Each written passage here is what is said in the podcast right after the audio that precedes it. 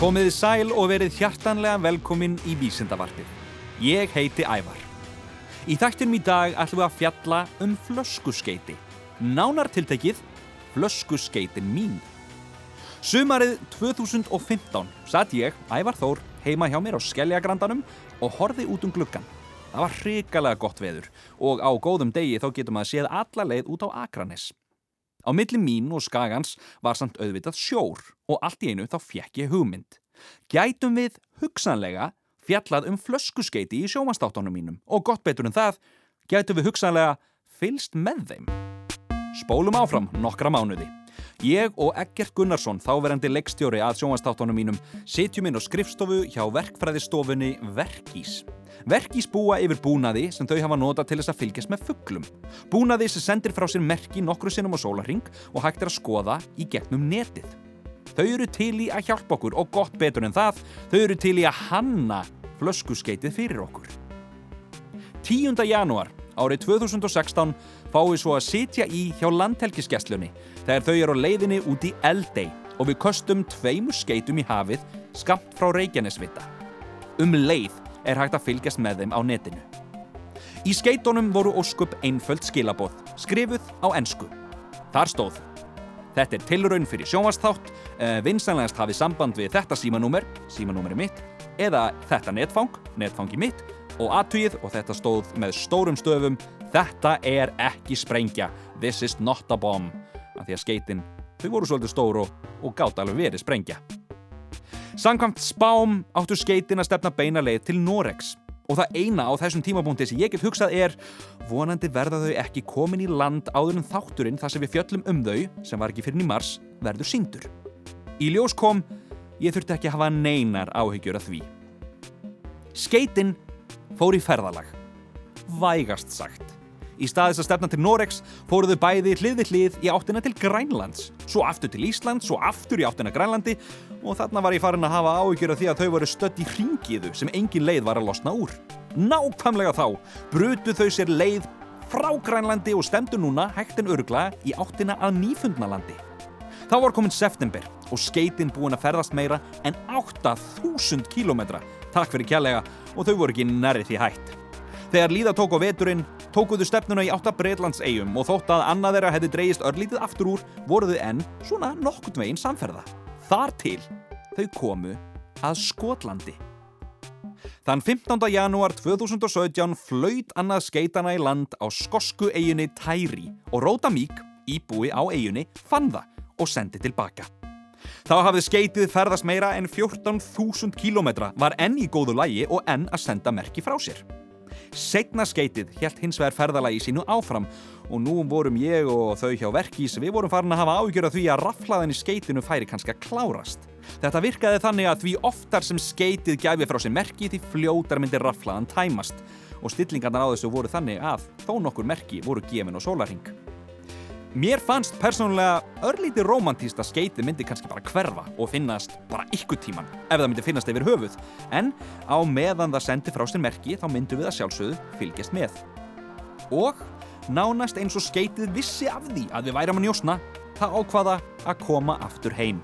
Það þaut frá Skotlandi fram hjá Færium og í nokkra daga þá fór það ring eftir ring hjá Östurlandi. Ég var meira segja búin að heyra í fólki á höfni hotnafyrði sem var í starthólunum að hlaupa nýri fjöru og sækja það, en allt kom fyrir ekki. Eftir að hafa veifað Íslandi í nokkra daga þá ákvað skeitið að halda aftur á haf út og stemdi þetta skiptið í áttina Færegjum. 14. mæ 2017 var svo komið að því. Laufey Óskarsdóttir Hansen sem búsett er í Þórsöpn, höfustad Færeja, hafði fylst náið með ferðalagi skeitisins í gegnum netið og vissi því nákamlega hvar það var niður komið. Hún lagði land undir fót á samt fjölskyldu sinni og tók ferju til Sandeyjar, sunna við Þórsöpn.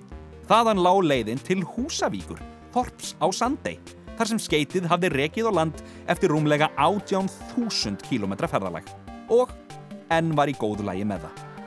Af einskeri tilviljun, eða hvað, voru forsetta hjónin okkar í opinberi heimsókn í færegjum og ákvæði því að senda þeim tölvupost og spyrja hvort þau væru hugsanlega til í það að kippa því með sér heim. Ég þurfti ekki að byggja tvísvar. Skeitinu var komið fyrir í tvöföldum svörtum ruslapoka því auðvitað var mikil sjávarlikt af því og nokkrum dögum setna fórum ég og fulltrúar frá verkís og sóttum skeitið á skrifstofuna til Guðuna. Þetta sýnur okkur að ein lítil hugmynd getur orðið að einhverju ótrúlegu og enn og aftur kennir þetta okkur líka að ef eitthvað fer í hafið þá hverfur það ekki, heldur ferða í ferðalag. Þið getið séð ferðalagskeitana á krakkarúf.is skástrygg flöskuskeiti. Við skulum nú spjalla við Arnór Þóri Sigfússon sem er einn af þeim frá verkís sem kom að gerð skeitana. Arnór Þórir Sigfússon, fuggla og dýravistfræðingur, velkomin. Takk fyrir það. Áðurinn ég byrja að spyrja þið út í flöskuskeitið og annað því tengdu. Um, mér langar aðeins að spyrja bara út í þig sjálfan. Hver, hver er svona þinn bakgrunnur? Það er, ég er sem sagt eh, lífræðingur uppalega frá Háskóla Íslands og fær svo í doktorsnám til Aberdeen Háskóla í Skvallandi þar sem ég laði stundar rannsóknir á fílum eh, sem Öslónu sem sagt, fugglinum fíl Já. og var þar í fjögur ár þar sem ég stúderaði eða sem sagt rannsækað unga fíla eða sem voru að fara að byrja að verpa og fílin er mörguleiti merkilega fuggl, hann byrjar ekki að verpa fyrir svona 10-12 ára gammal Já. Og fram að því eru þeir svona já, bara eins og unglingar eða út, fólk eru þeir svona að fljúa melli vaffstöðva og finna sér magga og, og taka þátt í svona hópum, gældfuglu hópum sem kallað er, er bara eins og bara klúpar Já, þetta veist ég ekki. og svo fýllin, svo þegar hann byrjar að verpa þann 10-12 ára gammal þá parast þeir fyrir lífstíð. Já. og verða mjög gamlir, þeir verða fuggla elstir, þeir verða svona komast sumir fugglar á vera 60 aldurinn Já. Og þeir eru parast við sama magar, þeir halda til og meðan þau lifa nema það svona 5-7% skilnaðatíðni Ég skil. Ef þeim gengur illa komið bungum þá, þá hætti þeim til að skilja og finna sér nýja maga er skemmtilegi fugglar á mörguleiti Já, og hvernig kviknar þessi áhugi? það var nú, ég var búin að eftir ég kláraði BS námi hérna í HÍ Háskóla Íslands, þá fór ég vinna Artúri Garðarsinni fugglafræðing í svartfugglarannsóknum hafði áður verið mikið áhuga á, á skortýrum, var eiginlega spáið að fara að leggja það fyrir mig og tók svona fimmeiningaverkefni sem kallaði rannsónaverkefni í vorflugum sem var með skortýr áhuga en svo fór ég að vinna Artúri og þá kveiknaði svona gamall fuggla áhugi sem ég hafi fengið svona áður ég var táningur eiginlega, áður ég var unglingur. Svona- svona, svona 10-12 ára gamall þá var ég mikið fuggla áhuga Já. en svo komur svona unglingsárið og þá, þá kom annað þannig að það kviknaði allt í svona gamall áhugið þannig aftur og ég svissaði eiginlega yfir í, í fugglan Þannig að þetta verið alveg blundað í þér frá þú varst ungur. Já, já, það má segja það, það var svona og svo þegar ég var búin að ljúka þessu dóttorsnámi þannig Háskóla Íslands, nei þannig Háskóla með Aberdeen þá kom ég hingað heim fór fyrst að vinna hjá veiðiströðanbættinu við rannsóknir á máfu og svo 95 þá reyði ég mig við til Náttúröðstofnur Íslands þar sem ég var í gæsaransóknum og var þar til aldamóta og þá fór ég svona á frjálsamarka má segja, en hef alltaf haldið áfram svona gæsaransóknum bara á eigin vegum segja. og, og hvað er það sem þú ert að gera í dag? Í dag er ég, bæði hef ég verið með verkefni lengi sem ég eiginlega tók með mig frá náttúröðustofnun. Það var, ég fylgst með unga hlutfall í veiði. Ég safna vangjum frá veiðumannum og aldurskreina veiðina þannig að við sjáum hvert er hlutfall unga í veiðinu og það segir manni til um hvernig varpi hefur tekist það árið. Þannig, að- að hann hef ég kortlætt alveg frá 93 svona varparanungur heiða og grágesa á, á Íslandi og það er svona hjálp mann að tólka stoppbreytingar og fleira. Og svo hef ég líka nú undanfærin áraðis verið að fykta með það sem að leita okkur kannski við þetta flöskuskeiti. Það var að ég verið að setja svona senditæki og gæsi til að fylgjast með ferðinu þeirra. Bæði innanlands og eins milli landa og svo að veðarstöðan. Og hvernig kemur maður senditæki á gæs? Það er maður það bara hlaupaður uppi og grípa þér. Það eru óflegar upp á miðan júli. Já. Þá fara þær í sár sem kallaðir og fella alla fjærir. Já. Þá höfum við bara hlaupaður uppi. Við fengið notið aðstóðar ungra og sprækra úlinga sem er að vinna á landsvirkjun. Já. Og svo er fyrir að líka úlinga að vinna í Dalvíkubið. Já. Þannig að því að svona, eins og ég segi, ég er eldast en gæsin að vera að slöpa hraðar heldur að gerði þetta. Þannig að gott að fá svona ferska fætur sem hjálpa okkur að hlaupa þar uppi. Og, og, og hvernig komið þessu fyrir Svo áður? þetta er bara svona hálsmerki sem er, þetta, við höfum lengi sett svona hálsmerki á gæsir, það er búið að setja þetta alveg 20.000 gæs um allan heim, þannig að við vitum að þetta, það er bregðast ágætlega við þessu. En svo setjum við lítið sendi á, á svona hálsmerki og þetta er merki sem eru þrývítaprentuð, þannig að þau eru mjög létt. Þannig að hálsmerki með senditæki á sem er bæði GPS móttökutæki sem staðsetur gæsina, svipað eins og er í flaskurketinu og svo símsendi sem sendir okkur SMS um gæsin, hvert gæsin fer. Þetta er ekki um 30 gram að þyngd. Já. Og, og, og hvað gerir þið við þessar upplýsingar? Við vitum þá bæði hvað það eru verpa hér og, og, hvað það er fara víða um til dæmis eru það að fara mikið á, á, á tún og akra og er að fara við um innanlands er það til tölu staðbundnar. Og svo þegar það fara millir landa, fara til Skólands og sjáum við faraðir stoppaður á Suðurlandi, þetta til þess vissum ekki eða faraði bara beint. Þetta voru gæsar á Náðurlandi sem mestum við fyrra og eins hvar þar haldaði sig á veturstofnum er það að fara við um Breitlandi eða er það til tölu staðbundnar á, á sama stað þannig og hvernig eins hvað þeir eru að geta, hvort þeir eru að fara á græs, ræktaland, kodnagra eða eru þeir í náttúrulegum gróðri það er svona spurningar sem við erum að skoða Og þetta eru álíka sendar eins og voru settir í flöskuskeitin 2? Já, nema það, það, þetta er símsendir í þessum uh, gæsasendunum sem senda okkur bara í gegnum GSM, bara SMS eins og vennum síma mm -hmm. sem er í sér ódýrar svolítið en, en í flöskuskeitunum er gerun þetta sendir sem sendir uppsingaður upp til gerfitúns því að flöskuskeitin er að útöðun þessum ekki neitt símsambund. Einmitt. Hvað var það svona fyrsta sem, þér, sem, sem þú hugsaðir þegar við komum til ykkar og, og, og svona sögðum ykkur frá þessari hugmynd sem við vorum með. Hver voru svona fyrstu viðbröð? Bara það lítur að þetta leysa þetta. Við erum alltaf að, að hugsa í lausnum þetta sko er, og þetta var skemmtilega alltaf, þetta var mjög skemmtileg hugmynd hjá þér að, að fá þetta og þannig að ég fór á stúan og fann svo þetta. Þess að gerun þetta senditæki þannig frá Ameríku sem er eiginlega hugsað til að fylgjast með gámum. Þetta er eiginlega plata sem er fest á, á gáma og svolítið sluti til að geta fylgst með þeim um, um heiminn. Já en uh, þetta henda ágæðlega nema hvað þetta var svolítið stórt og þetta er plata Einmitt. sem það er alltaf að vísa upp. Einmitt. og það var svona aðeins svona eh, verkefni sem er verkfræðingarnir okkar þurftu að leysa hvernig gáttu við sett þetta í skeiti til að vísa alltaf upp. Ein hugmyndi sem kom frá þeim sem að vera að selja ykkur sendara var að setja bara þrjá senda sem væri bara í eins og píramidi. Já, það var alltaf þrýsvarsunni dýrar Nákvæmlega. Við hugsaum hvort það við getum getað þessu. Þá komum við þessa hugmynda þetta er eiginlega tvöfalt hilki þetta ytra hilki og svo vöku og innra hilki sem að sendi tækir inn í og þar flýtur á þessuna vísar alltaf, alltaf upp og ytra hilki snúist Og hvernig vöku er settur inn í svona? Við settum í þetta svona glíserinn sem er svona frostlögur hálfgerðu sem við vissum að þetta geti lendi í, í kvöldu veðrum og vildum mm. ekki geta möttu frjósækustæðir þannig að við settum neins konar frostlöðan samt glæran og, og, og aðeins segur líka ekki eins og vatna en þetta aðeins svona líka dempar svona reyfingarnar Þannig að þetta hefur virkað vel eins og við sjáum þetta er búin að bara meitt og halda ári í sjó og, er, er allt í fínu lægi en þá.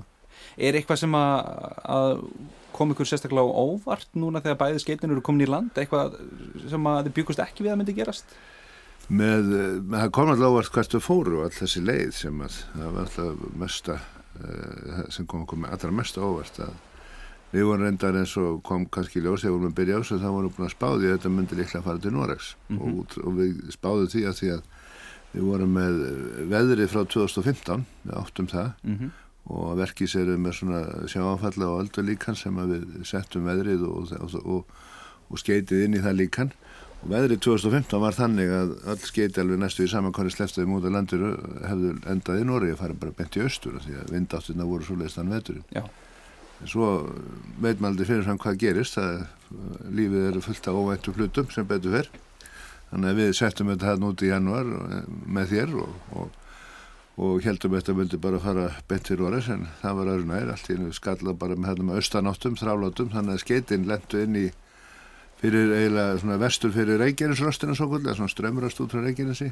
Og þar fóruði inn í Faxarflóðan og þar lenduði í þessu fyrirbæri sem maður kalla Íslandslægðir sem er svona svæði þannig á, á, á Grænlandsvöndinu þar sem að loftrýstingur er hvað legstur á þessu, þessu svæði. Þannig að þar ringsóluðu þau svona önda uh, rángsælis maður segja, það því að lagði þetta að fara rángsælis og fóru eiginlega einn og halva ring þar voru först í þessu Íslandsleið og kom upp, hérna upp á okkar ströndum aftur, heldur bara að vera að koma heim þá. Svo heldum við áfram og svo annaðum voru að þá voruð komin álega kvarfi sem hann að síðustu átti Grænlands og þá að fara að hæja á þessi Íslandslegð að leysast upp. Þegar sömari kemur þá á mingarun og leysast upp og má segja mestu. Og þá fóru sketinu vestu fyrir kvarf og þarna og fyrst aðeins upp með grænarstöndu heldur kannski að enda hérna á Íslandsbyggðum það sem var hérna Eiríkur Rauðibjó og, og Leifur Eiríksson. En þau held áfram og sildi áfram til Labrador og Nýfundalands og það silduðu svo niður þetta rólega um sömari, þetta var ekkit átaka mikið við fórum svona oft í ringi og Emitt. svo sildum við hérna söðu með, með strönd nýfundanans og labrador og svo þegar höstaði og höstleðina fóru að koma þá tökum við bara streykið alveg þvert yfir allansafið og, og árið senna var annars getið komið þarna upp í fjöru í, í, á tæri eigu þarna Mm -hmm. undan vesturstönds Skotlands og, og en hitt var alltaf aðeins að eftir þetta skeitið tvö, þau fór alltaf sömu leið en hitt var nokkur hundur kílómetrum eftir yfir svona 200-300 kílómetrum og vindurinn tók þá barða í norður fyrst fram hjá færiðum og upp að strand öst, östfjörða og við, það var næst var nefn svona 20 kílómetrar á landi Emitt. við heldum að það væri að koma heim þar en, en allt í þetta tók að bara strikið út af ný og hásæði nú er að leiðin til Norris Lossis en, en þá ákvaða að fara í söður og endaði svo hann á sandi í færiðum. Þetta, hva, hvað getum við lært af öllu þessu ferðalagi? Þetta er alltaf að segja manni sko í þessari umræðu sérstaklega sem er varandi plastmengun og annað og rusl sem við hendum frá okkur. Þetta náttúrulega sýnir okkur ferðalagi sem að slíkt rusl getur farið. Við þekkjum þetta fréttum að það er við til dæmis í heimsónum eru svona ringiður í sjónum, mm. -hmm. strömmamóta sem að myndast næstu í plasteyjar Mm -hmm. og þannig sjáum við að svona plast getur verið að koma langt að við getum ekki ímyndað okkur það til þess færi einhver sem hyrðir upp einhverja tóma kóklösku á fjöru Emitt. hann getur ekki ímyndið þess að hún er henni að hugsa að hent úr báti við Íslandstrendu og sé búin að fara til Kanada og Grænlands og tekið hann kannski næstu í eitt og hálft ára að ferðast allar þessi leið hann Já. heldur örgulega fyrst að einhver færi einhver af hendur út Nákvæmlega. þannig að þetta sýnir manni hvað, hvað veist, við erum ekki eini heiminum það sem við gerum hefur áhrifum allan heim Algjörlega. Hva, hva, hver væru hver eru næstu skref? Nú eru skeitin bæði komin heim uh, við erum með allar þessar upplýsingar hvað, er, er eitthvað framhald á þessu? Já, þetta vakti aðtegli þetta bæði fylgdust uh, þeir spennti með á veðurstofunni veðurfræðingar og, og, og við sáum með skeitin að þeir bæði hafði vindar, mikið, vindarnir hafði mikil áhrif að þau fljóta mjög hátt í vaskorpunni svona og þess flaskur gera en, en, en ströymar einhver leiti líka á öldur sáum til dæmis þegar lendi landa sandi þá fór ringin í kringum sandi. Það fyrst tók ströymurna greinlega í gegn þannig að fyrir sunna sandi og, og við heldum nú ætlaði bara að fara aftur út á allarsafið en þá greipur ströymur öldur þráttur að vindóttin væri öslega þá greipur ströymur öldur og fórum með þetta ringin og báruði aftur östuströndin og, upp í fjöru þar. En við sjáum það að, að það eru vístamenn sem sáu þetta sjáfuglamenn sem ég kannast ágætlega við þeir hafa verið að fylgjast með þessu líka og, og þeir komu með það að þetta kom nokkuð heim og sama við vetrastöðvar svartfugla íslenskra. Og virðist vera sem skeitin kortleggi sem sagt vetrarferði svartfugla. Því að svartfugla þegar þeir yfirgefa fuglabjörgin þá fara þeir í sár eins og gæsina sem minnst á þann þeir missa alla flugferðinar einu og, eru óflegir með, og, og fylgja unganum sem er líka óflegur eftir að yfirgefa björgin og þeir líklega bara reka undan veðri, vindum og strömmum og gera það svo örglega bara í veturna því ef að strömmandun og vindarnir bera það á, á, á góðar fæðuslóðir þá er engin ástæði fyrir að vera neitt að fljúa á Nei, nei. móti því. Þannig að vantarlega eru þeir bara að láta sér reka megnið af vetrinum og akkurat þessar slóðir. Þannig að núna eru danski vístamenn við Árós og Háskóla sem er að rannsaka sjófugla á Grænlandi. Þeir eru búin að panta hjá okkur tíu skeiti þannig að þetta er allt í nárið útflutningsvara Þannig að þetta er hönnun sem að núna er búin að sanna sig og, og hérna, hann er þeir núna búin að panta og nú erum við að fara að smíða tíu skeiti og, og svo er annað líka að eh, við hjá verkis í samvinnu við vísindamenn frá bæði Kanada og Danmark og, og Breitlandi Mhm. við erum líka búin að senda inn e- erum að vinni því að senda inn eh, umsók til National Geographic um, um umsóknemi til að skoða þetta sama að, skoða þá í þessum þremur löndum meðan annars eh, eitt sem kom í ljós að, að skeiti sigli fram hjá öllum þekktum, þetta skeiti sem við settum út Mhm. það sildi eiginlega fram hjá öllum þekktum varstöðum gerfugsin sem dó út í lók hérna, eh, hérna 17. aldarinnar vá þannig að það var, að það var hérna, nei, 19. aldarinnar fyrir ekki sem að, sem að hann dó út var dreipin henni eldei 1800 eitthvað, ég nú ekki alveg nákvæmlega ástalið en síðustu fuglar nú dreipnið þar þannig að eldei og gerfuglarsker þar á undan sem var stóru afstæði hérna, sökk í sjó út af jarðskjáltum Já, jarðhæðingum en síðustu gerfuglarnir voru á eldi. Og svo var eiga þann undan nýfundalandi sem heitir Fang eiga já, og það var á sínum tíma stærstu varstöðu gerfugla og gerfuglarnir voru óflegir stórir, þetta var svo stóran álkur. Já.